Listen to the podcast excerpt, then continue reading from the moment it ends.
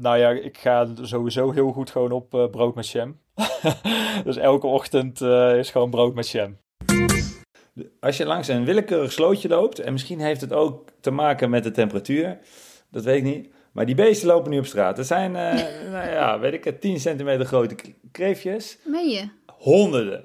Echt niet normaal. En, en, jij, en die zitten nu allemaal vast in jouw carbonschoentjes, of niet? Ik geef best wel wat lezingen op scholen. En daar ben ik niet Björn Koreman die 2.10 loopt op de marathon. Dan ben ik Björn Koreman die op TikTok, zit. Ja.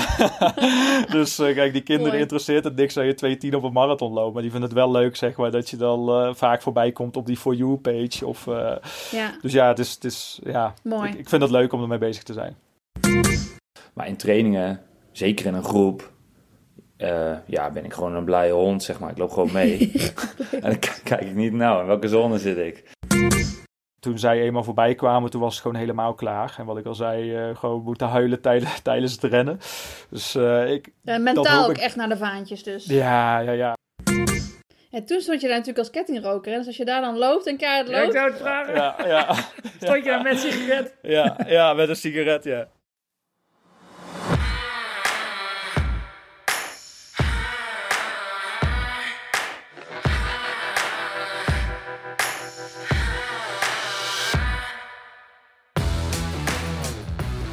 Welkom bij de 20ste aflevering van Naar de Vaantjes, een podcast over hoe jij jezelf kunt uitdagen alles uit het hardlopen te halen. We hebben het onder andere over training, motivatie en wedstrijden. En soms dwalen we een beetje af naar koffie. Hoe haal jij het maximale uit je hardlopen en ga je charmant naar de vaantjes? We spreken hierover met de meest inspirerende gasten. Dus haak weer aan voor een mooie, snelle en gezellige aflevering. Want wij gaan samen helemaal naar de vaantjes. Mijn naam is Iman Muller en aan de andere kant van de lijn zit ze, begonnen met haar zwangerschapsvakantie, Susan Cremens. Yay, dus toen konden we heel makkelijk een podcast plannen. Was dat even fijn? Ja, ja ik heb ja. ooit een, een, paar banen geleden tegen een collega zwangerschapsvakantie gezegd en die ja. werd heel boos. Oh, serieus? Het, het, is geen vakantie. Ja, en nu nog even wel. ja, het ja. Gewoon, ja, ja, ja. Het voelt als vakantie, ja? Um, nou, vakantie. Ja, weet je wat is? Ik heb heel veel dingen heb ik gewoon voor me uit zitten schuiven en gedacht, dat ga ik lekker doen als ik uh, zwangerschapsverlof heb. Dus dan is nu de eerste week eigenlijk nog best wel druk met allerlei afspraken die dan verder niks met mijn normale baan te maken hebben. Dus nou, ik heb het nog wel een beetje druk, maar ik vind het niet erg, want ik ben nog gewoon mobiel, dus uh, ik heb niks te zeuren. Maar ja. ben je er helemaal klaar voor? Is je, is je bed op de juiste hoogte? Heb je alle nee. cursussen afgerond? Nee, dus ik ben er niet. Ik moest ook een beetje lachen, want uh, ja, toen Andy die hoorde ook over de vluchttas. Hij staat die eigenlijk klaar? En de zei, vluchttas, ja, ja, ja, ja. ik, zo, ik zei, ja, die, de vluchttas die staat, technisch gezien staat die klaar. Die staat namelijk bij de deur. Alleen er zit niks in de tas. Dus dan moet er nog wel spullen in doen. Maar ja, ik ben nog niet heel erg voorbereid. Maar uh, hopelijk heb ik nog eventjes een... Uh, ja, kon ze nog niet. Ja, dus uh, nee, ik maar, moet maar, wel iets voorbereiden. Ja. Maar heb je, heb je cursussen gedaan? Ja, sorry, uh, lieve luisteraars, ik ga niet uren door over, over. maar dit vind ik wel interessant. Heb je van die, je hebt toch allemaal van die ontspanning of, of ademhalingscursussen of, uh, of doe je er allemaal niet aan? Uh, ik heb wel een vrij basic cursus gedaan in het Engels in Amsterdam. Toen dacht ik, dan kan ik Andrew meenemen. En dan uh, weet hij ook een beetje wat er gaat gebeuren. Dat was meer voor hem dan voor mij eigenlijk. Heel veel dingen wist ik zelf al. Ja. Dus, uh, was hij er blij ja, mee? dus, Was hij er blij mee? nee, hij heeft wel nieuwe dingen gehoord. Dus hij zei van, dit is wel goed. Het bereidt me wel een beetje voor. Dus dat is, ja, dus... Nou. Ja, goed. Hoe, hoe, in hoeverre kun je je voorbereiden? Dat weet je niet, hè. Het is allemaal nieuw, dus... Nee. We gaan het wel zien. Ja, ja. Oké, okay. nou ik heb uh, net een rondje hard gelopen. Uh, ja, geen, geen kipkorenmannetje. Nee, uh, geen kipkorentje. Mag je straks even uitleggen wat het nee, is? Nee, gewoon een rondje, rondje dom. Um, ja. ja. want we hebben straks Björn Koreman te gast. Ja.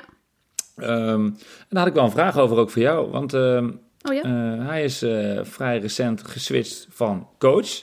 Ja. En volgens mij is hij ook uh, overtraind geweest aan het begin van het jaar. Mm -hmm. uh, volgens mij heb jij met alle, allebei ervaring? Met, met, een, met een coach switch heb ik ervaring, ja, en overtraind ja, dus, zijn ook. Ja. Dat is allebei wel heftig, toch? Tenminste, kan... Uh, ja, kan, of kun je iets zo vertellen? Want zeg maar, laten we even eerst het wisselen van coach. Ja, ja de een komt ook vaak na het ander trouwens. Dus dat is... Je Bij jou ook? Nou ja, ja, ik was overtraind en toen ben ik daarna van coach geswitcht. Ja. Oh.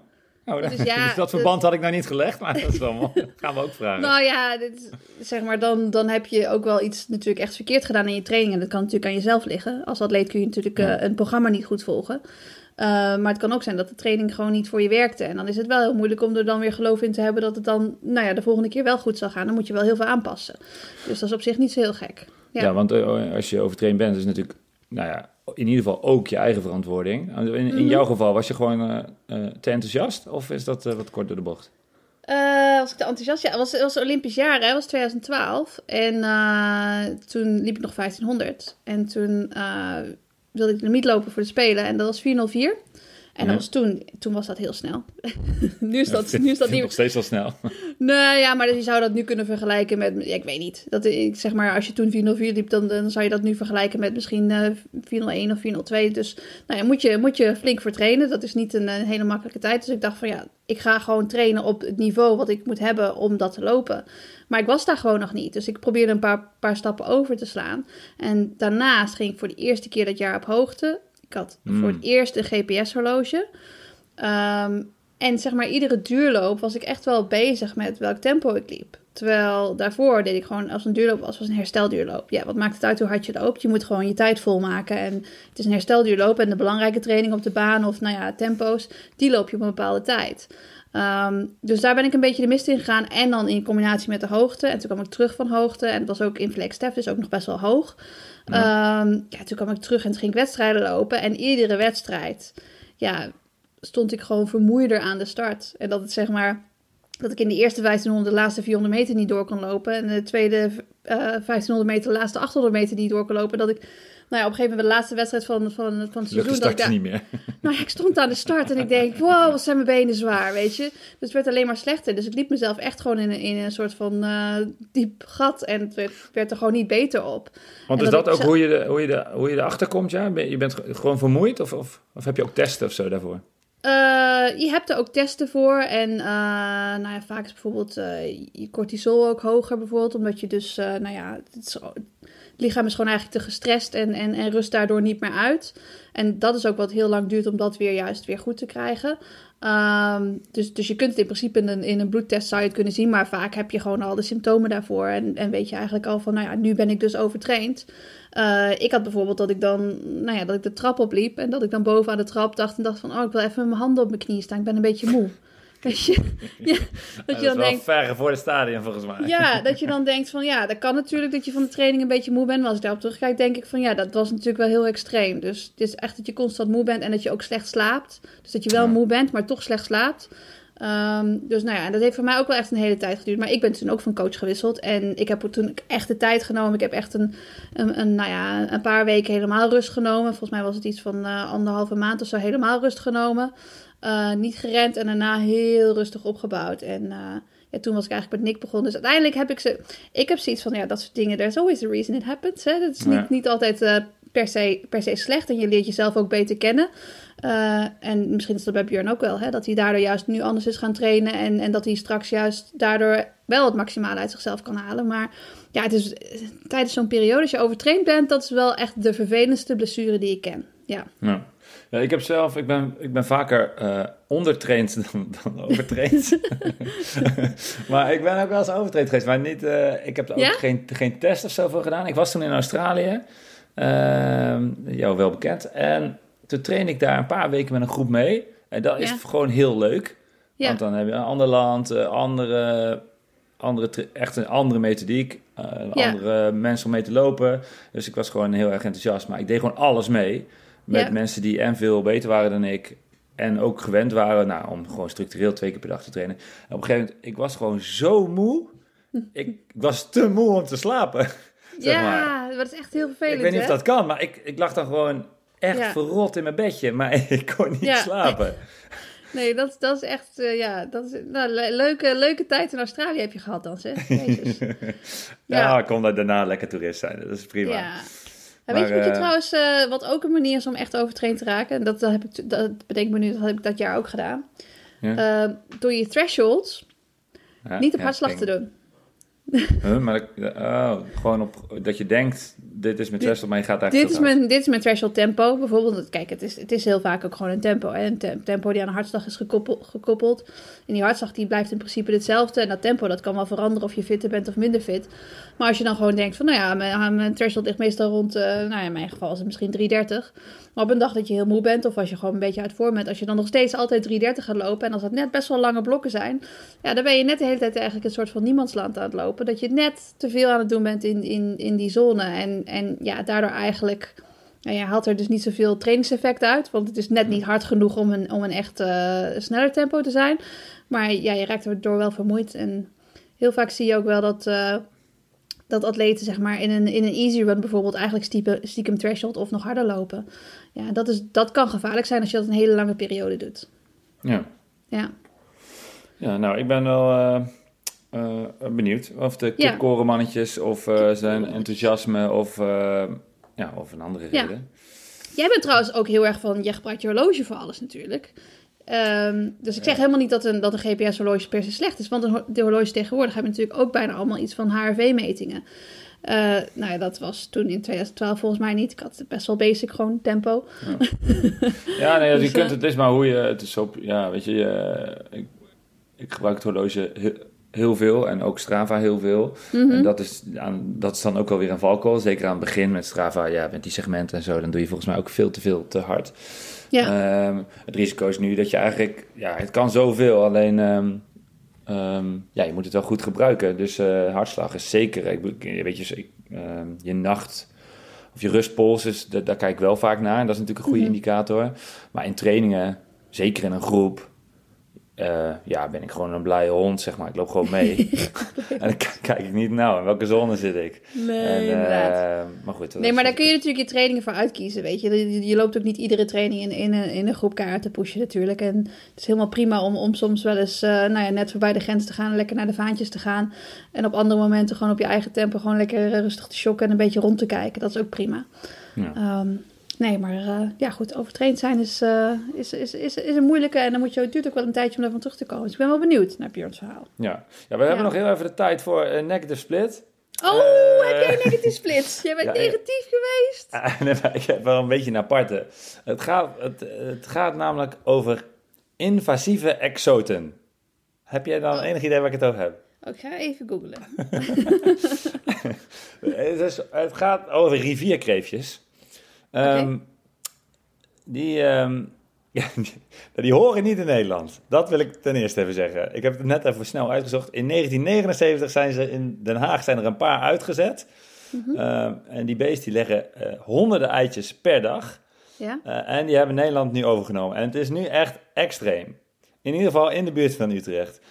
Als je langs een willekeurig slootje loopt, en misschien heeft het ook te maken met de temperatuur, dat weet ik niet. Maar die beesten lopen nu op straat. Het zijn, uh, nou ja, weet ik het, 10 centimeter grote kreefjes. Meen je? Honderden. Echt niet normaal. En, en, jij, en die zitten nu allemaal vast in jouw carbonschoentjes, of niet? Nee, maar je moet... En het probleem is, je mag ze, je mag ze uh, niet uh, helpen. Want het zijn uh, inv invasieve exoten en ze slopen de boel. Dus uh, ze, ze hebben geen vijanden.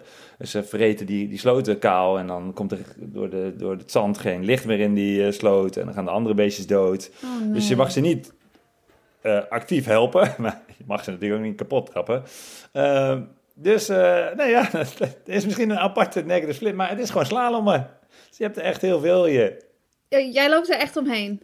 ja, ja, we hadden het laatst in een groepje. En uh, toen, een, uh, een van mijn loopmaatjes is van uh, origine bioloog. Hij werkt nu al jaren bij Nike, maar hij is bioloog. Ja. Dus hij weet ook dit soort dingen. Ja, dat je dat vertellen. En er was er eentje in de groep die zei, kom, kom, we zetten ze terug in de sloot. Nee, nee, nee, dat mag niet. En nee. terwijl we aan het discussiëren waren wat we met die beesten gingen doen, kwam er een auto aan. Um, die reed er gewoon overheen. Ja, toen was het Ja, maar ik zit wel te denken, als jij daar overheen rent... Dat is toch ook, en als ze dan zo onder je schoenen kraken, dat is ook gewoon de natuur, toch?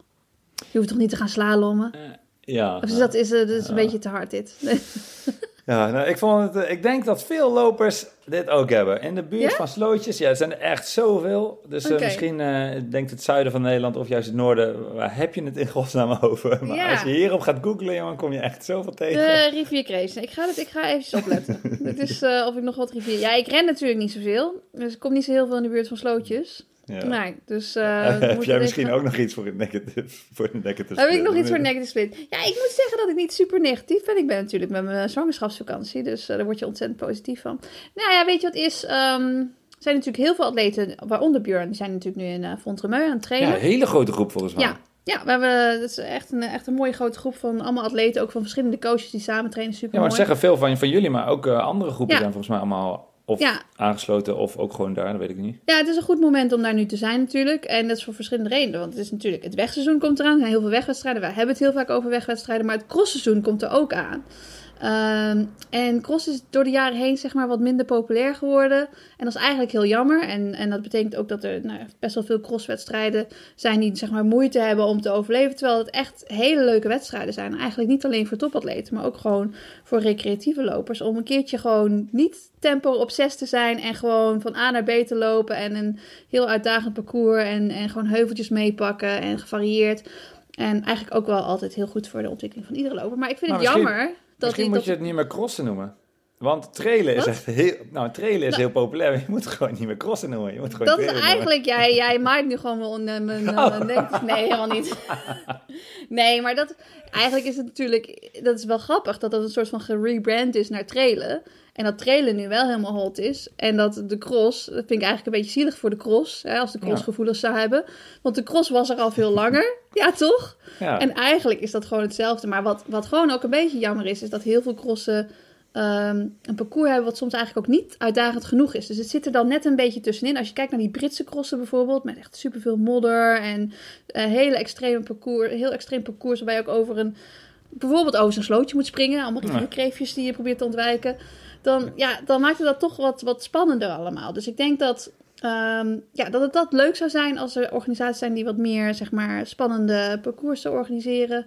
Dus gewoon boomstammen neerleggen, ja, water spuiten. In België uh, doen ze dat ook goed. Zeg maar nu als afgelopen weekend roeselaren. En dan uh, gewoon opengooien voor iedereen om, om lekker mee te doen. En ik, uh, ja, ik wil de luisteraar eigenlijk aanraden om een keertje gewoon voor een cross in te schrijven en te kijken hoe dat is. Maar in ieder geval, EK Cross komt eraan. Dat is natuurlijk in december. 10 eh, december, als ik het goed heb. Dat is uh, zondag. Ja.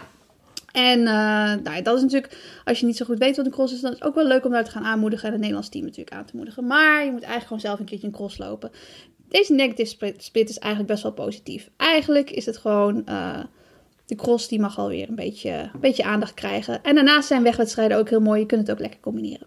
Ja, nou we gaan denk ik zo met uh, Björn ook over wegwedstrijden hebben. Die gaat niet crossen. Ehm, en zal niet gaan crossen. Die heeft denk ik ook geen crosspikes. Dat denk ik niet. Ik, ja, is misschien een beetje off-topic, maar ik denk dat hij nog niet veel cross in zijn leven gedaan heeft. Nee, dat bedoel ik. Nee. nee. nee. ik vind nee. zelf ook niet echt meer een voorstander hoor. Nee, maar het hoeft ook niet een heel seizoen. Maar het is gewoon leuk voor de afwisseling. Ook omdat, omdat ik wel vind dat, dat mensen wel heel erg obsessief zijn altijd met tijden en splits. En dan bijna dat je bijna vergeet om elkaar te racen. Het is gewoon mooi om elkaar te racen. En dan gewoon tegen elkaar en de elementen. Dat, ja, dat, nou, ik weet niet. Dat geeft ook wel een beetje een bevrijdend gevoel. Omdat je dus niet, niet met je horloge bezig bent en gewoon ervoor gaat. Uh, en dat kan op ieder niveau. Dus dat is leuk. Nou, 10 december, ik heb het even gecheckt voor je. Ja, dat goed. Ja, daar kun je je dan weer niet voor inschrijven. Oh, trouwens, misschien hebben ze ook wel een open race. Hè? Dat zou zomaar kunnen. Ja. Maar, uh, nou goed, lekker cross allemaal. En ook wedstrijden dan. Oké, okay, laten we Björn erbij roepen. Ja, is goed. Live vanuit Vongemeu. De Franse Alpen. Nee, de Franse Pyreneeën. Komt-ie. En daar is hij, Björn Koreman vanuit de Franse Pyreneeën. Uh, Björn, goedemiddag. Goedemiddag, hoi. Hoe is het met je? We hebben een tijd niks van je gehoord. Leuk dat je, dat je aansluit in de podcast. Ja, dankjewel. Uh, een tijdje niks gehoord, omdat ik uh, denk ook het, trainen even op een lager pitje heb moeten zetten uh, rondom Rotterdam. Rotterdam was natuurlijk behoorlijk teleurstellend met 2.16. Ehm uh, lichtelijk overtraind. Uh, althans, ik heb een paar weken na de marathon uh, zijn wat testen gaan doen. En daar bleek toch wel dat bepaalde waardes behoorlijk laag waren. Waarin de sportarts toch wel aangaf van blijf nog steeds maar eventjes rustig, rustig aandoen. En eigenlijk... Sorry, even één seconde. Wat voor, wat voor testen waren dat? Want daar hebben we het toevallig net over gehad. Wat voor verschillende testen je kunt doen om te kijken of je overtraind bent. Nou, dit was vooral een hele, hele uitgebreide bloedtest. Dus eigenlijk ja, de meest uitgebreide die je kan hebben. En daar kwam eigenlijk dat testosteron was heel laag, ijzer was heel laag. Um, nog, nog meer waarde. Zo. Dus we met een paar mensen naar gekeken, ook met mijn voedingsdiëtist. En ja, vanuit daar zijn we dus ook meer supplementen gaan slikken. Ja. Ehm, ja, dat, dat was gewoon overduidelijk, maar ik merkte het ook aan mijn lichaam. En eigenlijk toen ik die testen deed, uh, had ik al het gevoel dat ik echt op de goede weg was. En zelfs toen, uh, toen voelde ik me al veel fitter dan rondom de marathon. Um, en toen bleek ze eigenlijk alsnog heel slecht te zijn. Dus uh, ja, dat, dat was, laat wel zien hoe slecht het was. Het was dus geen, geen verrassing als ik je zo hoor. Het was meer dan een. Met het onderzoek heb je gedaan om de bevestiging te krijgen en ook te kijken hoe, die, ja, hoe je die waardes dan weer omhoog kan krijgen. Ja, het was gewoon, uh, eigenlijk begon het een vier, vijf weken voor de Rotterdam Marathon. Ik merkte gewoon uh, dat ik fysiek, de trainingen werden enorm zwaar. Um, en eigenlijk vooral het mentale stuk. Ik, uh, ik was heel emotioneel. Ik, mm. ik, ik merkte gewoon Um, dat super uh, opzag tegen alle trainingen. Dus elke training die er dan. Ik, ik, was gewoon aan het aftellen totdat ik ging taperen. Ik dacht, oké, nog twee, drie weken heel hard trainen en dan ga ik taperen. En ik dacht gewoon eigenlijk uh, op het moment dat ik ga taperen, dan is het voorbij. Dan kan ik alles loslaten en dan is het rusten tot die marathon. Alleen ja, ook in taperweken moet je nog trainen. En ook in die weken was ik nog steeds uh, met een duurloop van 45 minuten. Dat ik echt dacht, wat ben ik aan het doen? Weet je wel, mijn hartslag was gewoon. 15 slagen hoger met een easy run dan dat ik toen de vorm van 210 had. En constant vermoeid. En, uh... en dan hield je je wel zeg maar aan het tempo wat je wilde lopen en dan keek je niet naar de hartslag. Ja, ja. Ja. Dus uh, ik heb daar ook zelf best wel wat fouten in gemaakt. En ik heb er vooral heel veel van geleerd. En dat was ook ja, wat ik eigenlijk meteen na de marathon al zei. Dat ik, ik heb hem ook een soort van uitgelopen. Omdat het was pas eigenlijk mijn vierde marathon. Ik heb drie marathons gelopen van 217, 211, 210. En dit was een marathon die gewoon uh, heel slecht ging. En eigenlijk was dat natuurlijk in de voorbereiding al te zien. Maar ik had zoiets van, ik wil gewoon voor mezelf eens ervaren hoe het dan ook is om een hele slechte marathon te lopen. En uh, dan neem ik die ervaring in ieder geval mee voor de volgende. Zodat dus, je niet uh, zou vergeten. ja, precies, precies. Dus uh, ja. ik hoop dat dit ook de laatste keer is. Had je ja. in die, want je zegt het was dus echt aftellen. Nou, dan is dat op zich wel normaal, denk ik, in een, in een marathonvoorbereiding. Dat je op een gegeven moment denkt, zo, poh, nu mag het wel zo zijn. Maar had je had je dan al wel het gevoel, het, het gaat ook niks worden? Of had je stiekem ook nog hoop van, nou, als ik dan, ook al gaat het zelfs in taperen nog zwaar, het kan ook nog allemaal goed vallen? Of was het een beetje wishful thinking? Nee, ik wist, ik wist al wel dat ik... Uh, kijk, we gingen op 2.8, 2.9 weg. En ik dacht al van, ja, die vorm van die 2.10 die ik toen liep, die heb ik ook niet. Ja. Uh, maar ik dacht, ja, misschien als het een beetje tegenvalt, dat ik alsnog 2.11, 2.12 kan lopen. Ja, waarschijnlijk ja, andere uh, schoenen, hè? Dus dan kun je nog zeggen van, oh, misschien uh, helpen de schoenen wel. Ja, precies, ja, dat soort dingen. Maar ja, dat, dat was wel... Ja, ja, nou ja, dat is het wel. Je houdt jezelf ook echt wel voor de gek. En ja. twee weken van tevoren deed ik gewoon een key sessie die in principe even hard was als dat ik deed uh, voordat ik die 210 liep. Alleen mijn herstel tussendoor ging veel langzamer. Het herstel naar de rand was veel langzamer. En ja, ja het is gewoon... Uh, ik, ik was mentaal ook gewoon helemaal op. Ik heb gewoon tijdens de marathon echt, uh, echt moeten huilen. Gewoon Terwijl ik, ik weet nog dat ik de Erasmusbrug naar beneden liep. Dat ik dacht, wat, wat ben ik hier überhaupt aan het doen? Waar, waarom vind ja. ik dit leuk, weet je wel? Het was gewoon helemaal op. Gewoon ja, dan ben je ook zo extreem vermoeid natuurlijk. Dat is echt gewoon, uh, als je dat zo weken, want ik weet niet hoe lang je aan het, aan het aftellen was, maar dat is natuurlijk ook weken een soort van emotionele ja. energie die je aan het verspillen bent. Ja, ik ja. kan me dan voorstellen dat het fysieke dan ook weer uh, beïnvloedt. Ja, dat is, uh, dat, dat is zo belangrijk. En ik, ik zeg ook al wel dat uh, de marathon is sowieso 50%, 50 fysiek, 50% mentaal.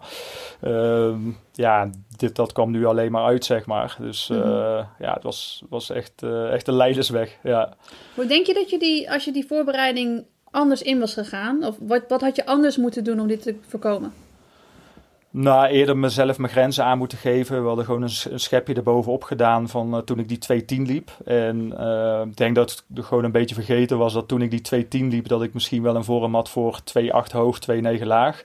Ik liep toen ook tot 38 kilometer op, op schema 2,902. Mm -hmm. um, dus, dus waarom zou je dan heel veel gaan veranderen, zeg maar. Hè? Maar je wil alleen ja. maar meer, meer, meer. En denk, oh, nog meer trainen. Terwijl, ja, dat is nu gewoon uh, duidelijk geweest dat ik dat niet had moeten doen. dus ja, dat, uh, ik denk dat ik daar vooral heel veel van heb geleerd. Dat, ja. dat ja, meer is niet altijd beter.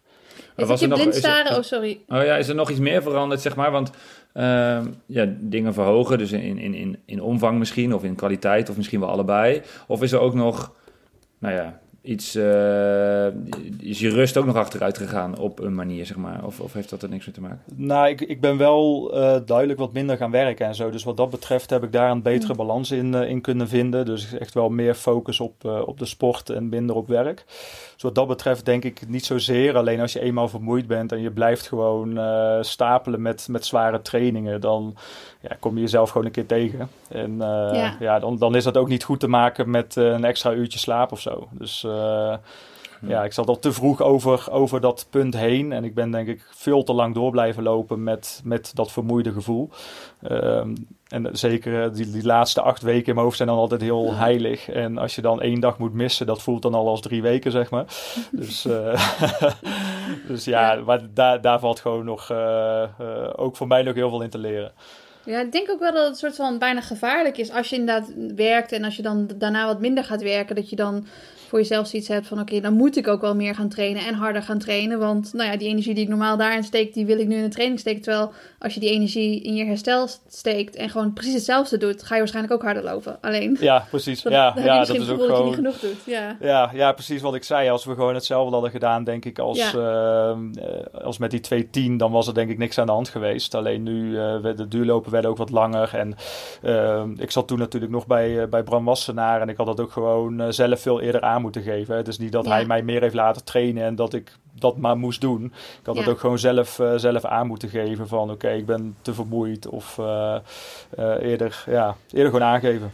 Ja, is het dan ook een soort van, nou ja, blind staren op een, op een soort van tijd die je wil lopen, omdat je dan steeds harder wil en natuurlijk ook limieten wil lopen en, en voor jezelf daarin eigenlijk jezelf op een niveau plaatsen waar je dan nog niet bent?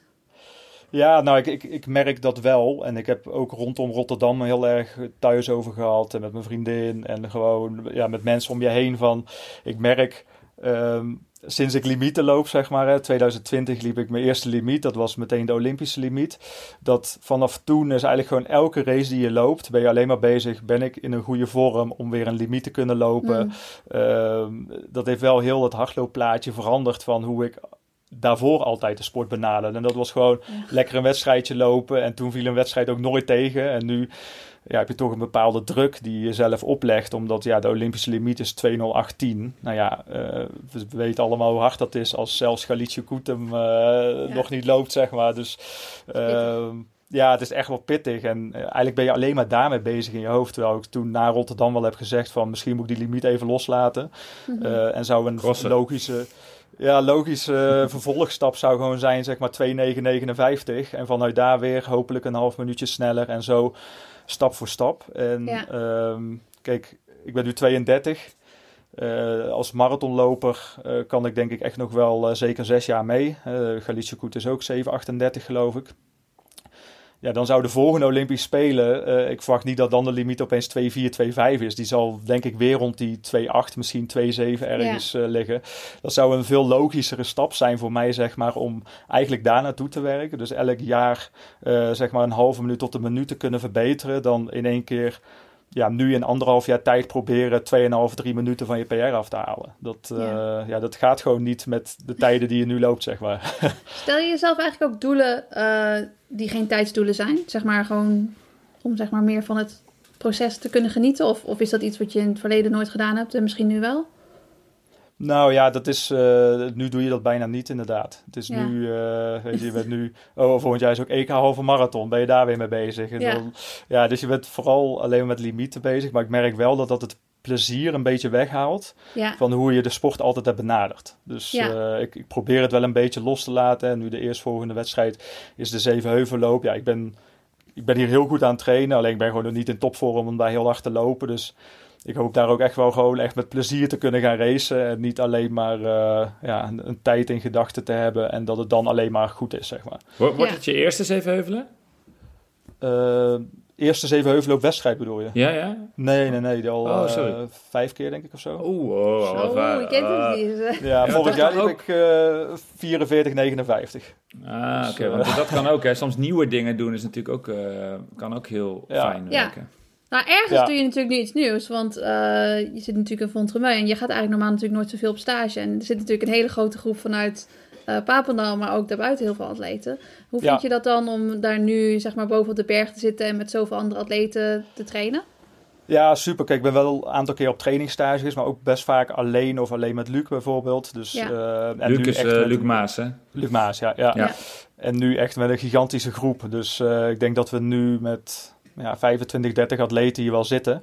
Eh, met name Nederlanders, maar ook eh, we zitten ook in het appartement met een eh, Turkse dame, eentje uit Denemarken, eentje uit IJsland. Super divers en allemaal verschillende leeftijden. Ik ben wel een beetje de opa hier met 32 jaar. maar maar ja, ook voor mij is het helemaal nieuw. Kijk, zij, zij zijn al vaker zo op trainingstage geweest. En Ja. voor mij is het echt wel nieuw om ja, met mensen die je nog niet eerder, eerder hebt ontmoet, om daarmee op trainingstage te gaan. En het sluit ook best goed op elkaar aan. Hè? Dus eh, er zitten jongens bij. Ja, ik zit hier met twee jongens op de kamer. eh, 800 meter en een 400 meter loper. En toch kan je heel veel samen doen. De rustige duurloopjes. Eh, Ja. ja. omdat ja, je bent gewoon vooral aan de basis aan het werken. En dat ja, maakt het deze wel heel leuk. periode. Ja. Ja, Ja, want kun je daar nog het zo- iets, In het eh, zomerseizoen moeten we dat niet doen. Nee. Kun je daar nog iets over vertellen? Want je zei, eh, je, weet je, je bent nu best eh, goed aan het trainen, maar nog niet in topvorm. Maar dat heeft wel even geduurd, eh, zeg maar, na Rotterdam, voordat je weer nou ja, kon doen wat je wilde doen. Ja, ik heb eh, trainerswissel gemaakt. Ehm, dus ik ben eh, eigenlijk na Rotterdam een beetje met, met Bram samen gaan zitten. Er waren al best wel wat atleten bij hem weg. Eh, waaronder Stan Schipperen, eh, Noah Schutte, Andrea Deelstra. Eh, allemaal atleten die nog eh, bij hem zaten, die allemaal al weggingen. Dus ik was nog in mijn eentje over. Maar ik zoiets van, ja, misschien is voor mij nu ook weer met die leeftijd 32... eh, als ik nog gewoon vijf, zes jaar mee wil, is nu denk ik een goede stap om, eh, om gewoon over te gaan naar, iemand anders. Bram had aangegeven dat hij eigenlijk na de Spelen van Parijs sowieso wilde gaan stoppen. Ehm, dus toen ben ik op zoek gegaan. Ik vond het niet makkelijk. Er is ook niet heel veel keus in, eh, in, in Nederland qua coaches, trainers. Ehm, en toen ben ik eigenlijk via mijn management, via Global, ben ik eerst bij Pieter Reinders uitgekomen. Dat is een Belg. Eh, heel datagericht, eh, best interessant. Eh, maar ik heb daar maar twee maanden gezeten. Eh, en dat kwam ei- eigenlijk doordat ik gewoon merkte dat ik echt een, een groep om me heen miste. Ja. Want uiteindelijk was het gewoon, ik kreeg, ik kreeg mijn schema en super goed onderbouwd. En ik, ik- daar stond ik ook helemaal achter. Alleen ik merkte gewoon, ja, waar zijn de mensen om me heen? Weet je, wel, net als wat je hier met een groep hebt. Ja. Eh, ja, je moet energie krijgen gewoon. van je training. En dan moet niet alleen energie Ja. ingaan natuurlijk. Ja. Ja, precies. Ja, precies dat. En eh, ik merkte gewoon, ja, nu doe ik eigenlijk nog meer trainingen alleen dan dat ik eerst alleen deed. Omdat ja, elke training bij hem echt wel goed onderbouwd is en ook echt wel een reden heeft. Dus ja, ik train normaal heel vaak samen met Luc Maas dan. En opeens was het zo van, ja, maar hij moet een duurloopje doen op 3,50 per kilometer. En ik moet hem eh, op 4,30 per kilometer houden. Ja. Kunnen we zelfs een rustige duurloop nog ineens samen doen. En dat, toen merkte ik, oké, ja, nu mis ik wel echt, eh, echt de aansluiting met de Nederlandse atletiek. Ehm, ja, dus ben ik eigenlijk verder gaan zoeken. Alleen daar kwam ik al heel snel eigenlijk in de week van de Amsterdam Marathon eh, in gesprek met Titus. Ook de trainer van Luc Maas. Eh, waar, ik, waar ik al ja. heel veel mee, mee samen train. En hij heeft natuurlijk Frank eh, Futselaar ook 2.11.30 laten lopen op de marathon. Daan Rijntjes heeft zijn debuut gemaakt in Amsterdam in 2017. En dat was voor mij toch wel zoiets van... Ja, maar dat is gewoon een mooie marathongroep. Heb ik en Luc, waar ik gewoon eh, sowieso al vier, vijf keer per week mee samen kan trainen. Ik Ja. kan een paar keer per week kan ik naar Zevenaar. De trainingen die ik Luc zie doen door Titus, dat zijn trainingen die ook bij mij aanslaan. Gewoon langere blokken. Ehm, dus ja, eigenlijk was het gewoon een hele logische stap. En eh, ja, misschien ook mezelf daar weer even twee maanden voor de gek gehouden. Zo van, oh, dan ga ik het even buiten Nederland zoeken. Misschien een mooie groep. Of uh, alleen uiteindelijk wil je gewoon Ja. terug naar de basis. En wil je gewoon eh, de juiste mensen om je heen.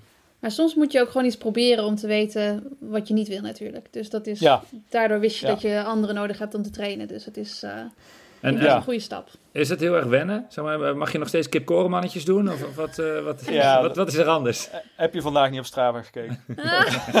Heb je mijn Strava gezien vandaag? Oh jongens, Nee, zit 24-7 op Strava. Nee, ik had vandaag eh, 22 kilometer op 340 gemiddeld. Dus dat is Eh, volgens mij gewoon een kipkorenmannetje. Ja. Ja. Maar zonder gekheid, is het, eh, is het heel anders trainen dan, eh, dan bij Bram of bij Pieter? Nee, ik denk eh, wel dan bij Bram. Omdat Bram echt wel wat meer van het, eh, van het echt nog veel rustiger trainen is. Eh, maar ook daarin is nog... ik ben bij Pieter echt gaan opbouwen. Hè, dus die heeft mij ook echt wel geholpen om wat meer op te bouwen. Dus daar kan ik niet echt heel veel van zeggen. Ehm, maar ik denk wel redelijk vergelijkbaar met, eh, met wat Bram doet. Dus eh, vooral lange blokken, één keer per week baantraining. Ehm, in het weekend een lekkere lange duurloop. niet te veel poespas. ja. ja. we, doen, we doen niet echt het lactaat meten en zo, zoals hier wel natuurlijk heel veel wordt gedaan bij, bij de jongere mensen. Ehm, maar aan de andere kant is dat ook gewoon waar ik heel goed op ging bij Bram. En dat waren gewoon lange blokken draaien. En, ja, dat, ja, je weet nu ook hoe het voelt als je te veel doet. Dus dat is, je weet hoe dat voelt nu, toch? Ja, dus precies. ja, precies. Dat, ja, ik vind het nog steeds wel lastig hoor, omdat ik voor mijn gevoel nu heel goed bezig ben en dat we echt al goed aan het opbouwen zijn. En toch ben je altijd nog een beetje bang van, oké, zit het niet nog een, een spoor van vermoeidheid ergens? Of, uh, ja. Um, want, want de sessies hier in Von zijn echt wel pittig. Buiten de trainingen um, doet Thomas heel veel ernaast. Dus ja. uh, echt wel flinke activaties. Ik doe bijna alles wel mee, ja. Dus, ja. Uh, dus al die activaties en gisteren ook. Ja, dan heb je twee sessies en dan na die tweede sessie gaan we nog met z'n allen naar de gym om nog uh, even een half uurtje flinke core sessie te doen. Ja, dat is echt wel intensief. Dat zijn, je hebt hier ook echt geen tijd om te werken of zo, omdat je alleen maar bezig bent met. Nee, heel, veel, heel veel uren natuurlijk, ja. Ja, ja. ja. ik denk dat we gemiddeld wel 6, 7 uur per dag bezig zijn. Ja, ja, dat is uh, met de conditionering zo. En dat is natuurlijk deze periode. Dat is de winterperiode om zeg maar het lichaam robuust genoeg te krijgen om dan in de zomer die, die zware trainingen aan te kunnen. Maar dat is voor heel veel atleten natuurlijk nieuw. Dus daarom zei ik al van stel jezelf ook doelen zeg maar buiten tijdsdoelen. Want ik kan me zomaar voorstellen dat als je daar met hun horde en mobiliteit en, en al die uh, circuitjes mee gaat doen, dat je denkt van hé, hey, dit ben ik niet gewend, hier ben ik nog niet zo goed in. Misschien, weet je wel, er, er zijn natuurlijk heel veel andere manieren om jezelf te verbeteren behalve alleen maar hard te lopen. Ja, nee, dat heb ik hier ook al echt geleerd. Dus echt wel een eye-opener, zeg maar. Zeker met die hordes. Ik zat gisteren ook bij de fysio en die zei... Ja, van alle atleten die bij mij zijn geweest... ben je echt de meest stijve persoon die, die ik heb gezien. Zei, ja, misschien ook de marathon, een beetje daarachter schuilen. Maar hij zei, ja, ook al loop je marathons, al is het nog niet goed. Dus ja, uh, ja zeker, uh, zeker met die hordes en zo. Ja, ik leer daar ook super veel van. Ik ben dat helemaal niet gewend. Dus uh, ja, is ook echt wel... ik, ik leer ook heel veel van deze stage, dus dat vind ik wel leuk.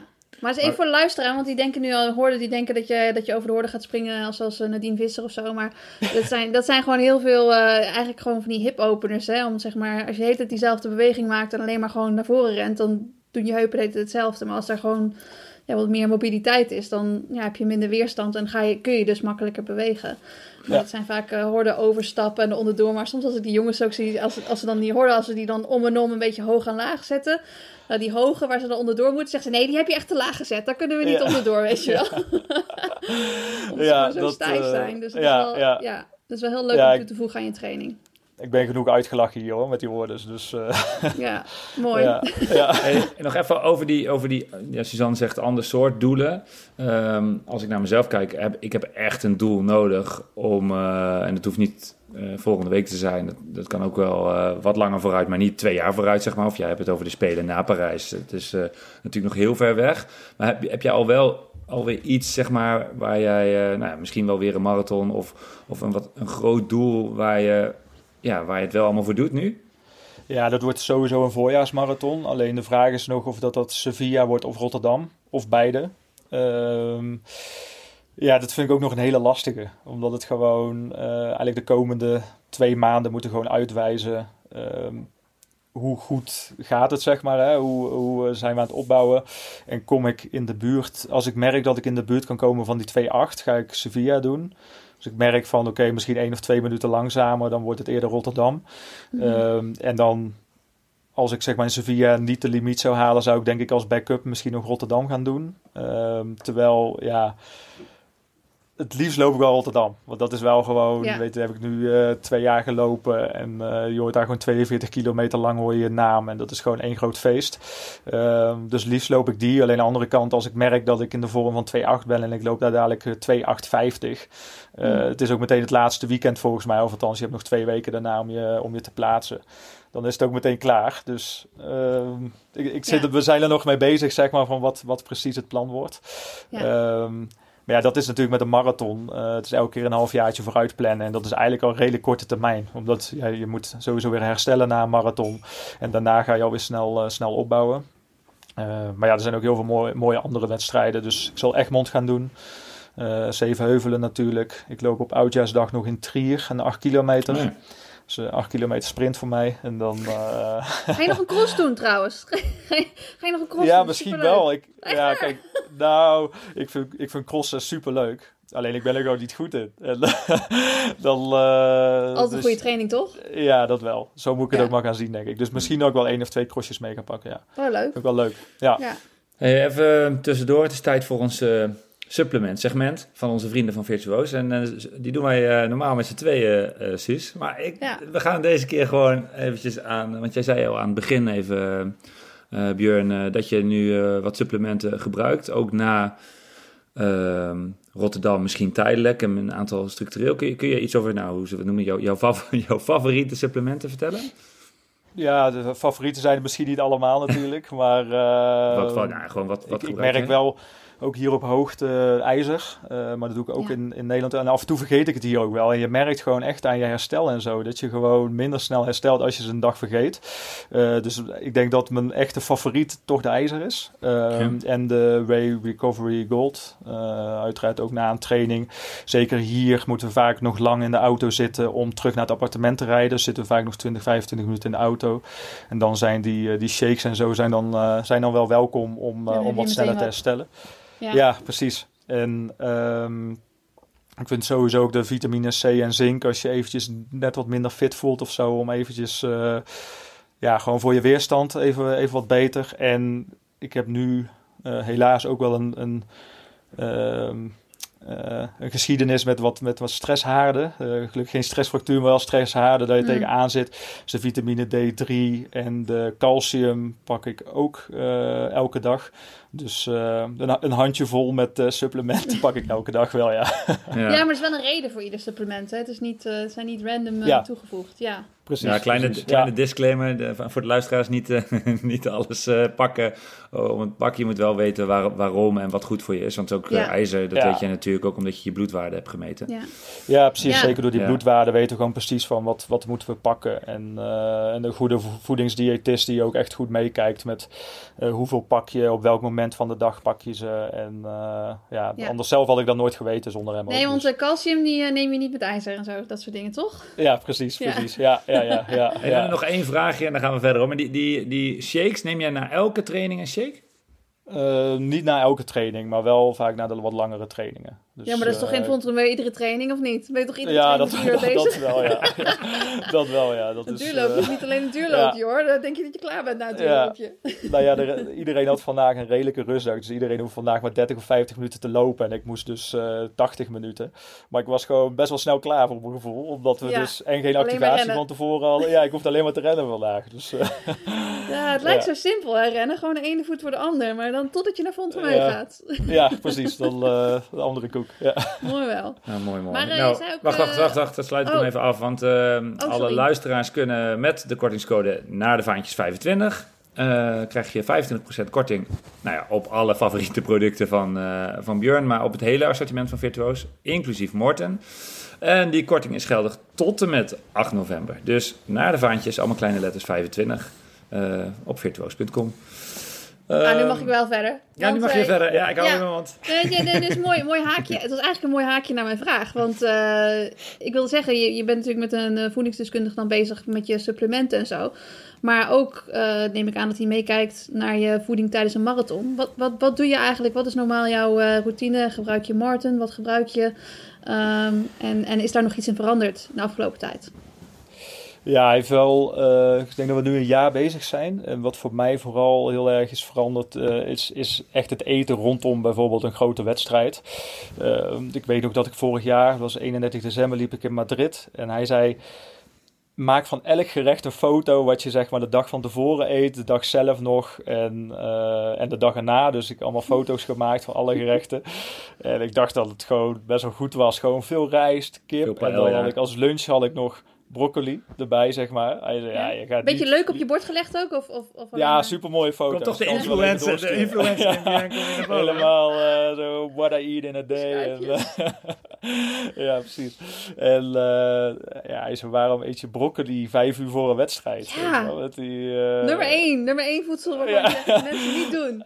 Ja, precies. Terwijl dat was voor mij echt allemaal super nieuw. Dus gewoon die vezels vermijden. En hij zou eigenlijk ook al gewoon die dag ervoor. En uh, dat, dat waren gewoon echt de standaard dingen waar ik eigenlijk al heel van leer. En wat ik ook meteen merkte gewoon aan mijn darmen en zo, dat het gewoon veel beter ging. Ja. Um, en nu werk ik ook met zo'n glucosesensor. Dus die heb ik nu ook op om hier echt op trainingstage, omdat je zoveel beweegt. Ja. Um, en dan zie je hoe moeilijk het is om het aan te eten, hoeveel je beweegt. Dat is echt bijna niet te doen. Dat is nee, echt, heel groot uh, verschil met uh, zeeniveau, denk ik, hè? Oh, Suus, Ja. ik bedenk me, we hebben Ja. een keer eerder op deze... Dat is de glucosemeter, die doe je op je bovenarm, toch? Ja, ja. Ja, en daar hebben we een keer eerder in de uitzending... En daar kreeg ik toen heel veel vragen over. Oh, ja, dus, eh, Ja. eh, bovenarm aan de achterkant Eh, zie je een wit Bio- rondje. Biosense of zo, toch? Biosense? Ja, Nee? van eh, Abbott. Van Abbott. Maar, Ja. maar Ja. kan iedereen die aanschaffen, zeg maar? Dat hebben we toen heel veel vragen over gehad. Of is dat Ja, alleen van- omdat jij... eh, Nee, nee, nee. team Dat zit. is, eh, ja, we hebben natuurlijk Abbott als sponsor bij het NN Running Team. Maar hij is ook voor iedereen aan te schaffen. En eh, hij gaat twee weken mee. Ik geloof dat hij 80 euro is. Hm. Maar je hebt zoveel inzichten van wat je binnenkrijgt. Het is voor mij echt... eh, ja, het helpt mij in principe gewoon elke dag om gewoon... eh, je koolhydraten op tijd bij, bij te vullen. En Ja. dat is echt, eh, want hij meet gewoon elke paar seconden. Behalve als je telefoon niet bij je hebt, dan pakt hij hem elke 15 minuten, geloof ik. Hm. Ehm, maar ja, soms ook gewoon tijdens je trainingen. Je ziet gewoon precies wanneer je in een dipje komt. En eigenlijk, eh, ik altijd al, voor mijn gevoel altijd heel dicht op een training. Omdat ik dacht dat ik dat nodig had. En dan kwam ik aan het begin van mijn training kwam ik echt in zo'n dip terecht. En dat Ja. duurde dan 20, 30 minuten. En dan daarna begon ik pas. Hij zei, ja, maar dat komt omdat je gewoon veel te dicht erop eet. Dus nu eet ik opeens anderhalf, twee uur voor een training. En ga ik super lekker daarop. Terwijl ik altijd dacht van, ik- ja, ik kan dat helemaal niet aan. Terwijl, ja, Ja. dat zijn echt wel, eh, echt wel is- belangrijke lessen. Dat is heel persoonlijk natuurlijk ook. Hè? Dus er is niet een of andere formule voor om te zeggen van de timing van, de e- van je eten is, is op dat moment perfect. Dus dat is wel heel interessant inderdaad. Maar Ja. ik weet wel, je voedingsdeskundige die kijkt dan dus ook mee. Ik heb ook Ja. wel eens zo'n sensor opgehad. En eh, toen weet ik nog dat ik zo'n eh, boterham met eh, Nutella had gegeten of zo. En toen kreeg ik een screenshotje doorgestuurd van de voedingsdeskundige. En met een pijltje erbij en zei hij, wat heb jij hier gegeten? Met zo'n grafiek die dus helemaal zo omhoog ging. Ja, ja, ja, ja. Niks, gewoon boterham. maar dan ja, zie je dat dus ook is wel- nog groter. Ja, inderdaad, crash was echt enorm. Maar dan, Ja. dan zie je wel wat verschillende eh, voedingsmiddelen eigenlijk met je doen, met je, met je bloedsuikerwaarde en zo. En het is niet altijd heel leuk. Het is soms een beetje confronterend om dingen te zien. Ja. Ehm, maar het is wel heel interessant. Ik denk voor iedereen dat het heel interessant is om, zelfs als je één keer zo'n sensor zou aanschaffen, om gewoon te kijken wat er gebeurt. Zo interessant. Ja, en en je kan op een gegeven moment voel je ook echt aan van eh, waar je precies zit, zeg maar. Of, eh, Ja. Het is echt interessant. Ja, ik vind echt, Ja. eh, en zeker op zo'n trainingsstage, je merkt gewoon dat je hier nog veel meer koolhydraten nodig hebt dan op zeeniveau inderdaad. Dus Ja. eh, het is hier, eh, als we niet aan het trainen zijn, zijn we in principe aan het eten. Dus, Ja. eh, Wat is jouw go-to koolhydraat, behalve gels? Mm, Nou ja, ik ga sowieso heel goed gewoon op brood met jam. Ja. dus elke Nice. ochtend is gewoon brood met jam. Dat, en ik probeer nu in de middag wel ook, ook gewoon vaak pasta te eten. Ehm, en hier kookt gewoon elke avond iemand anders. En dat is eigenlijk pasta of rijst. Gewoon standaard. Dus Dan eh, heb je een goede, goede kok in het appartement zitten of eh, ben je zelf Ja, de beste? Acht, nee joh, acht goede koks hier. Echt waar? Ja, dit moet Nou je ja. zeggen. hè, Dit moet je Ja, zeggen. ja, het is echt. eh, ik, denk- ik denk dat we in een heel goed huisje zitten. Ja, iedereen neemt zijn verantwoordelijkheid en iedereen eh, kookt gewoon om de dag, zeg maar. Dus elke dag kookt iemand anders. Eh, ja, als je met z'n achter bent, hoef je ook niet heel vaak te koken dan natuurlijk. Nee, dat is Dus, fijn. eh, ja. ja. Maar dan wil je wel Ja. weer indruk maken als je dan kookt natuurlijk. Want dan is het van, ja, Ja, dit is mijn, ja, my time precies. to shine. Ja, ja, ja, precies. Wat heb jij al dat gemaakt? Valt, dat valt wel mee. Ik heb eh, wraps gemaakt. Vanavond maak ik macaro- macaroni. Dus eh ben klaar. niet heel speciaal. Het is vooral... eh, eh, het- wat ik al zei, het is vooral heel veel pasta. Ja, hardloopvoer. Hey, en, eh, en hoe lang zit je daar Ja, nog? Want precies. je, je, je komt dan terug voor de Zeven Heuvelen, vlak daarvoor of al wat eerder? Nee, nee, nee. Ik ben hier nog maar eh, twee dagen. Dus Oh. ik ben hier tot... De meeste zijn hier tot vrijdag of zaterdag. Dus eh, ja, nog, eh, nog heel kort eigenlijk. Dus ik heb morgen nog een eh, lange duurloop van een uur en drie kwartier. En dan, eh, dan zit het er voor mij hier helaas op. Dus het is wel echt Ja. super snel gegaan. Doe ik zondag doe ik nog gewoon een, een 10 kilometer loop in, in Dordrecht. Omdat ik daar eigenlijk gewoon zin in had. En, dus op- Ja, ook wel leuk om te kijken naar hoogte, toch? Ja, en we doen dan vijf kilometer rustig, vijf kilometer snel. Dus niet, eh, niet meteen volle bak. Ja. En dan eh, daarna nog twee weken tot de Zevenheuvelen. En dan, nog, dan weer twee weken tot het Montferland Run. Want die gaat dit jaar ook weer door. Die vind ik eigenlijk Leuk, ja. minstens zo leuk. Dus eh, ja, leuk, leuk om die, ja, Ja. een beetje andere... eh, ja, gewoon weer wat wedstrijden mee te pakken en vooral te genieten van het racen. Ja, mooi. Nou, we gaan je volgen. Nee, wacht even. Nee, wacht, ik heb daar ook nog een vraag over, over dat volgen. Dus ik heb een, oh, een, een berichtje naar oh, volgen. Oh, oké. Okay. Nee, zeggen. hebben jullie allebei een iPhone? Ja. Ja, nou, ik krijg dan op maandag krijg ik altijd zo'n melding met het uh, hoeveelheid schermtijd. En dan schrik ik me helemaal de tyfus. toen dacht ik net, hoe is dat bij jullie? Want vooral jij, uh, Björn, jij zit wel ik, veel... Ik kreeg een maandag. Uh, Afgelopen week was 7 uur per dag. Oké, en hoe beoordeel je dat ten opzichte van... Uh, ben, vind, je vind, je, vind je dat je te veel mee bezig bent? Of gaat dat... Zeg maar, ik kan me voorstellen, want ik, waar ik naartoe wil is... Er zijn natuurlijk heel veel uh, uh, topatleten die zijn eerst topatleet. En die vinden dan, mm. oké, ik moet ook wat met social gaan doen. Maar jij doet natuurlijk al heel lang, geef jij inzicht in wat je doet. En ja, eigenlijk ineens was je ook heel goed. Ja, toch? Zo. Ja, ja, ja, hij, was eerst, hij was eerst de influencer en toen werd hij topatleet. Nou ja, dat is wel waar, toch? Ja, ik denk wel dat het een beetje zo was, ja. Mooi dit. Ja. Nee, lange inleiding, maar is het te veel? Of uh, heb jij een mooie balans daarin? Tenminste, het lijkt me moeilijk. Nee, ik merk wel dat het te veel is. Dat je hem ja. heel snel pakt. En zeker hier. Hè. Dus hier is het heel makkelijk dat je gewoon constant, als je niet aan het trainen bent, uh, gewoon op je mobiel zit. Mm -hmm. uh, dus thuis zit ik wel op, op wat minder uur. Hier is het echt wel uh, nog wat meer. Andere kant, inderdaad, wat je zei, is het ook wel een beetje je werk. Dus je Strava bijhouden en al die andere, andere socials als Instagram, nou, TikTok. Je hebt wel meer content daar, hè? Dat is wel, ik zie mooie ja. filmpjes voorbij komen. Ja, ja, nou ja, dat zijn ook dingen die ik zelf, uh, ik heb gewoon een hele goede camera zelf aangeschaft, zodat je -hmm. gewoon altijd goede content hebt. En uh, ja. ja, dat, dat vind ik ook gewoon leuk. Dus ik vind het ook leuk om ermee bezig te zijn. Alleen iets minder dan zeven uur zou, uh, zou best mogen, ja. Maar ja, het ligt er wel aan hoe je dan zit hè, achter je telefoon. Als je als een kanaal zit, dan is het natuurlijk niet goed. Maar als je met een goede houding zit, dan is het weer een stuk minder erg. Ja, precies, precies. Ja, dat... Uh... Nee, maar soms denk ik echt, ja, nu zit ik weer al een half uur op TikTok. En wat heb ik nu precies gedaan, weet je wel? Ja. Dus, uh, maar ja. voel je wel eens, uh, zeg maar, druk door de social media? Is het wel eens dat, je, dat het je meer druk geeft voor wedstrijden? Of dat het je druk geeft dat je moet blijven posten omdat je je, je, je following ook gelukkig wil houden?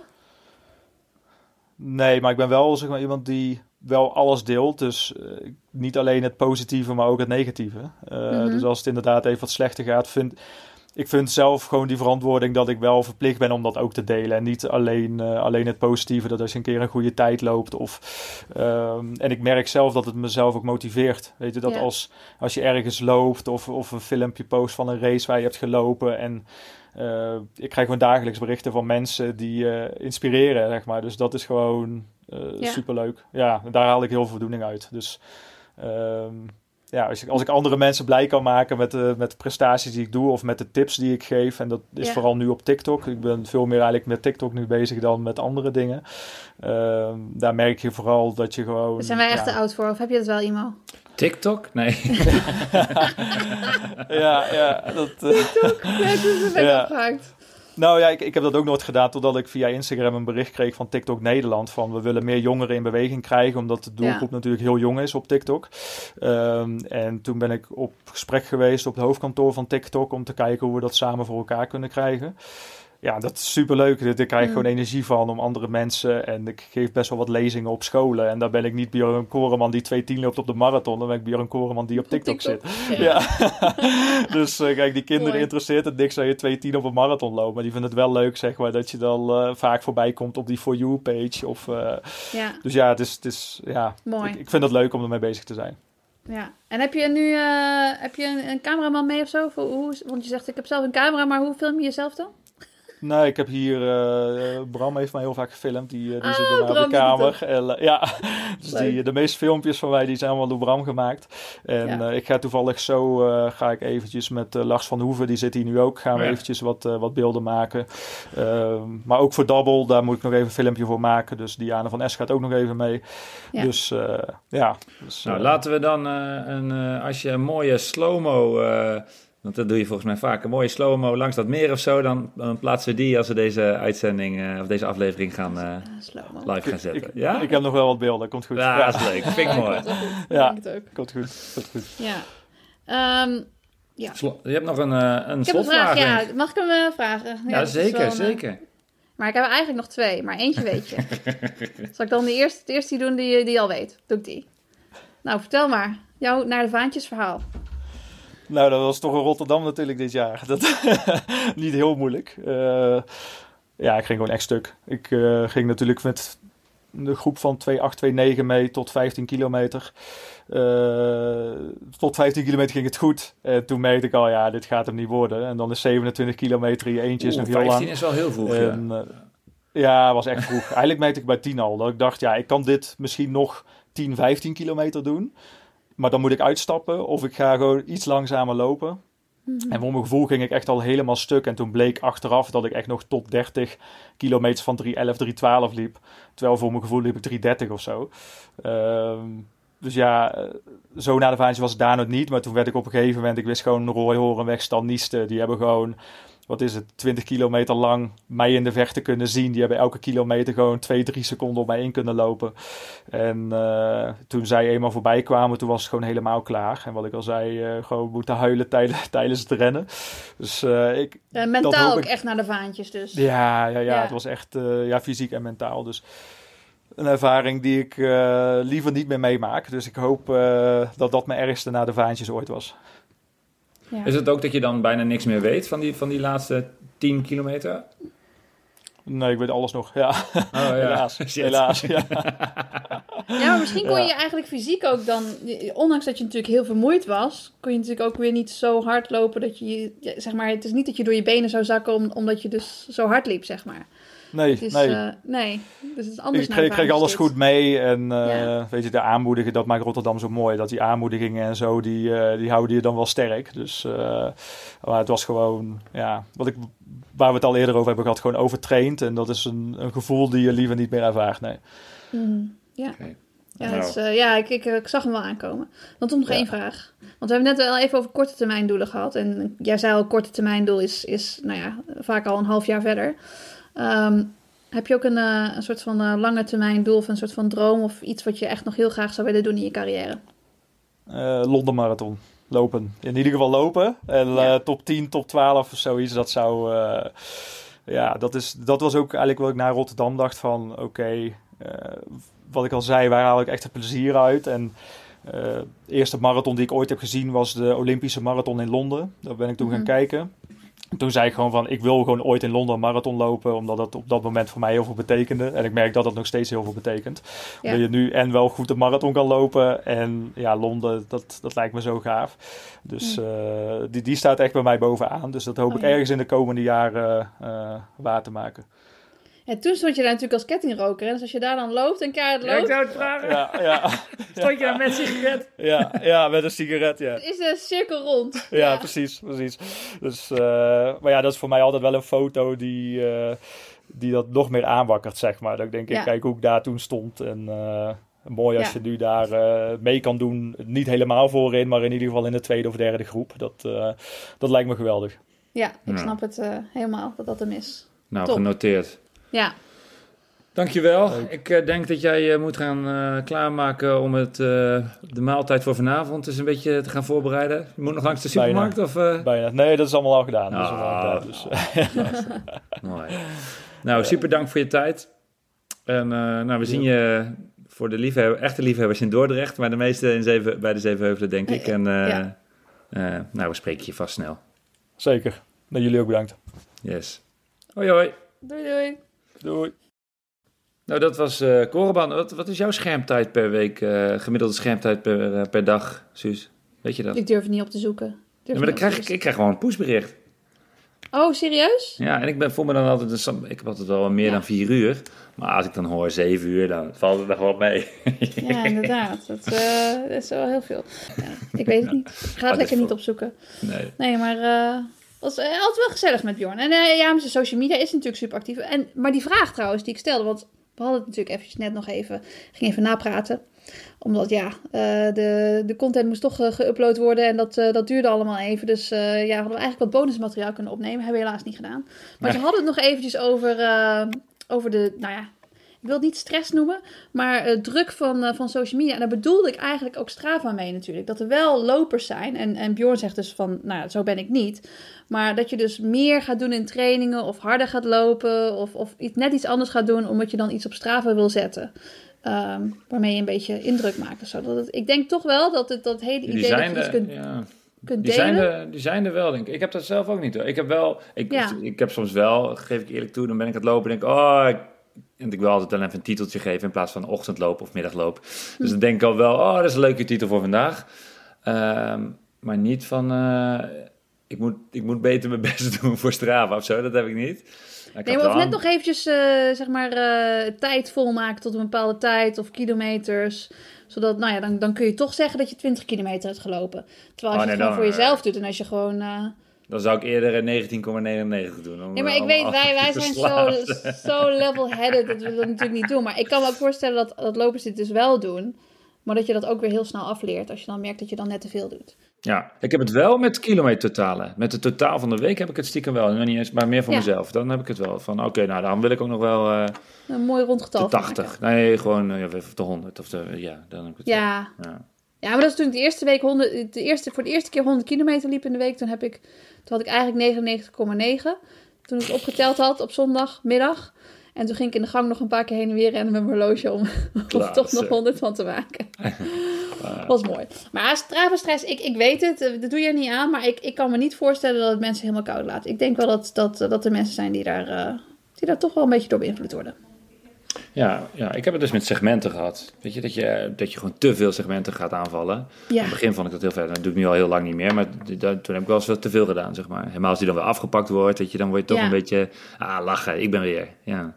Ja ik zat ook stiekem te denken op vakantie om dan, eh, waar jij dan een segmentje had, om, om, om dan zeg maar daar een loopje te plannen en dan kaart te gaan racen. Alleen, maar alleen, dat, alleen dat stukje, terwijl jij dat in een duurloop van een uur had gedaan of zo, weet je Ja, dan zou je echt Dus dat- eh, heel veel kudos krijgen. Dat zou ik mooi vinden. Ja, maar als ik, als ik dat zou doen, dan, dan ben je dus wel gewoon geïnfluenced door, door Strava. Dus dat is, ja. eigenlijk is het ook wel grappig. Maar, wat doe je eh, nu nog? Wat doe je nu nog aan, aan, aan workouts? Workout. Eh, nou, ik doe vooral elliptico, want ik ren natuurlijk niet meer. Maar ja, ja toen ik ook die, eh, die post op Instagram zette, toen waren wel een aantal mensen waren wel verbaasd. Zeggen van, oh ja, je traint nog? Ja, trainen. Ik vind trainen een groot woord. Beweeg. Maar ik probeer wel, iedere dag probeer ik even op de elliptico te staan. En als ik een beetje moe ben, dan is het een beetje minder. En als ik eh, me goed voel, dan, eh, nou, dan ga ik soms wel tot een uur. Maar het is wel, Oh. eh, ja, het is low impact en het is gewoon eh, thuis op de standaard. Hè? Dus ik ga niet meer in het wild. Dat vind ik te spannend. Maar Ja. ik blijf wel gewoon lekker bewegen. Dus maar dat vind je, het, vind, je het, vind je het leuk of vind je dat je het moet doen? Oeh, dat is een beetje van allebei. Want ik vind op zich, ik vind elliptico als ik het buiten doe, vind ik het heel leuk. En Ja. als, als het gewoon mooi weer is. Maar ik moet zeggen dat in de afgelopen twee weken is het niet, Ja, niet, het, god. niet het perfecte elliptico weer geweest. Het is, zeg maar, dan vond ik het ook niet erg dat ik het gewoon eh, binnen deed. Eh, ja, ik kan, ik kan het zo'n sessie, als ik gewoon stilsta, dan kan ik dat niet zonder, zonder iets, iets te kijken bijvoorbeeld. Dus ik moet wel iets van een, van een serie kijken, anders dan, dan vind ik het echt wel heel saai. Terwijl als ik buiten ga rennen, dan, eh, nou ja, dan vermaak ik me wel. Als ik buiten ga elliptico, en dan vermaak ik me ook wel, weet je wel. Dan heb ik wel meestal iets van een broekkaas of zo, maar dan, dan gaat de tijd wel wat sneller voorbij. Maar eh, ja, nu is het wel zoiets van, ik vind wel dat ik moet blijven bewegen, zolang het kan. Zolang ik geen excuus heb om niet te bewegen, eh, wil ik dat blijven doen. Dus, En hoe, hoe lang Dus heb je nu niet hard ja. gelopen? Hoe lang heb je nu niet hard gelopen? Oeh, was dat week oeh, 27 misschien of zo dat ik voor het laatst heb gelopen? Ik zit nu 36. Dus eh, ja, het is wel een tijdje. Ja, dat is Ja, wel. Ik, ik kijk er wel echt heel erg naar uit om straks weer te gaan opbouwen. Maar moet ik heel verstandig mee zijn natuurlijk. Maar daarom doe ik, ik doe ook wel Pilates. Dus dat doe ik een soort van zwangerschapspilates. Dat doe ik ook. En dat is eigenlijk ook zoiets wat ik doe alleen maar zodat ik straks weer beter kan opbouwen met Ja. lopen. Dus dat is niet iets omdat ik zo ontzettend geniet van die zwangerschapspilates. Het heeft als enige doel dat ik straks lekker kan gaan rennen. Dus eh, ja, nou hopelijk die twee dingen, hopelijk eh, zorgt dat ervoor dat ik straks een beetje fit de bevalling uitkom. Maar we gaan het zien, hè. We gaan het meemaken allemaal. Ja. Dus, eh, Als maar je de eerste keer gaat, ga ik filmen, goed? ja, dat is leuk. Het wordt, eh, worden hele kleine stapjes, hele kleine zweeffase. Ik moest eh, twee weken geleden, mocht ik nog bij, bij trouwens een clinic, een kidsclinic van, eh van Zevenheuvelloop was er nog even bij. Maar was ik gewoon assistentie. Hè? Dus Oh ja. Mike, Mike die deed vooral de clinic. En toen ik zei al van, ik weet niet zo goed of ik nog oefeningen voor kan doen. Maar dan ga je toch, st- toch stiekem, kan ik het dan niet laten om toch wat oefeningen voor te doen en zo. Ja, en toen merkte ik de volgende dag ook wel van, ja, dan heb ik gewoon te veel gedaan, weet je wel. Dus het is ook wel, het is ook wel echt heel goed om, om gewoon naar, naar je lichaam te Ja. luisteren op zo'n moment. Dus, eh, maar ehm, ja, dus ik doe, ik doe Ja. rustig aan. Niet te veel springen.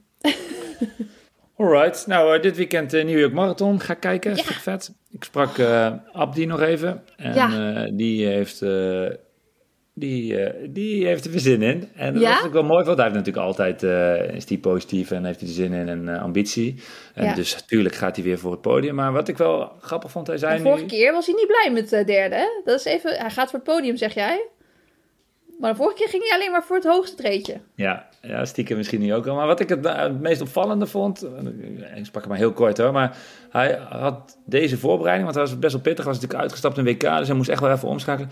Maar hij heeft gigantisch genoten. Dus Ja. het lopen was, hij zei, ik heb, het was gewoon heel leuk deze voorbereiding. En, Ja. ehm, en we hadden het natuurlijk ook met Björn over. En soms is, is het natuurlijk, zeker voor die jongens die zoveel kilometers lopen, is het soms ook wel een soort overleven. Mhm. Maar ja, ik merkte bij hem echt wel, nee, het was echt, ja, ik heb, het was echt zo'n leuke voorbereiding. Dus dat vind ik wel mooi, eh, mooi om te horen. Ik ben benieuwd. Ja, ook dat hij dat zo zegt na zoveel voorbereidingen. Dus dat het dan toch nog anders is dan anderen. Dus eh, Ja. happy runner is a fast runner. We all know Nou ja, dat that. denk ik wel. Dat denk Ja. ik wel. Nou, Ja, dus ik ben benieuwd. Ehm, ik ga het ook kijken.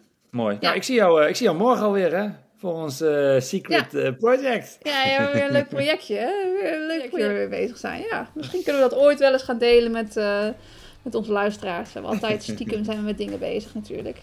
Ja, dat bonusmateriaal dan moeten we misschien ook een keertje releasen. Het is echt jammer dat we net niet het tweede gesprek met Bjorn hebben opgenomen. Maar eh, misschien gaan we dat in de toekomst wel doen. Hè? Ja, nou. Zo zijn we aan het eind gekomen van de twintigste aflevering van Naar de Vaantjes. Dank aan onze gast Björn en dank aan alle luisteraars voor het luisteren. Ook namens Suzanne. Blijf luisteren en lopen. Hoi! Hoi. Dat is leuk. Jij één hooi, dan doe ik één hooi.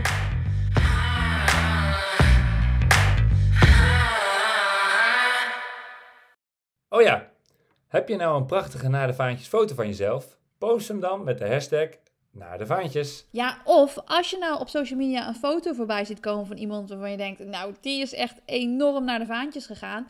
Zet de hashtag er dan onder. Of je mag ons ook altijd taggen, naar de vaantjes underscore podcast. Dan kunnen we allemaal lekker meegenieten.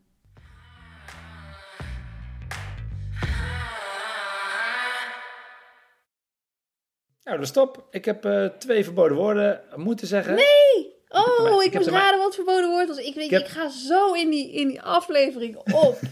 dat ik gewoon helemaal ben vergeten om te raden. Ja, ik, maar eentje is me niet gelukt. Het was echt, dat kon niet de ander wel. Sorry, Kajo. Ik vind ook dat we gaan vanaf, vanaf de volgende aflevering gaan we gewoon onze luisteraars vragen voor een verboden woord. Dat lijkt me zo dan? leuk. Dat één maar van dan ons moet dan weet en de ander niet.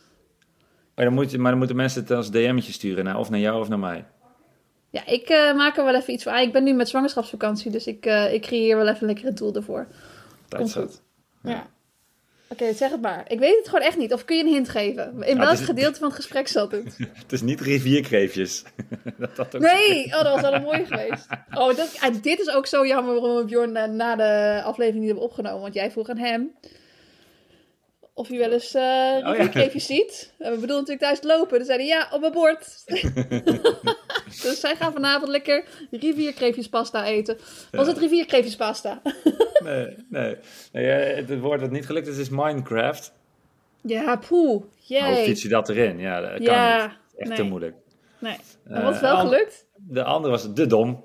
Ja, dat is een makkie.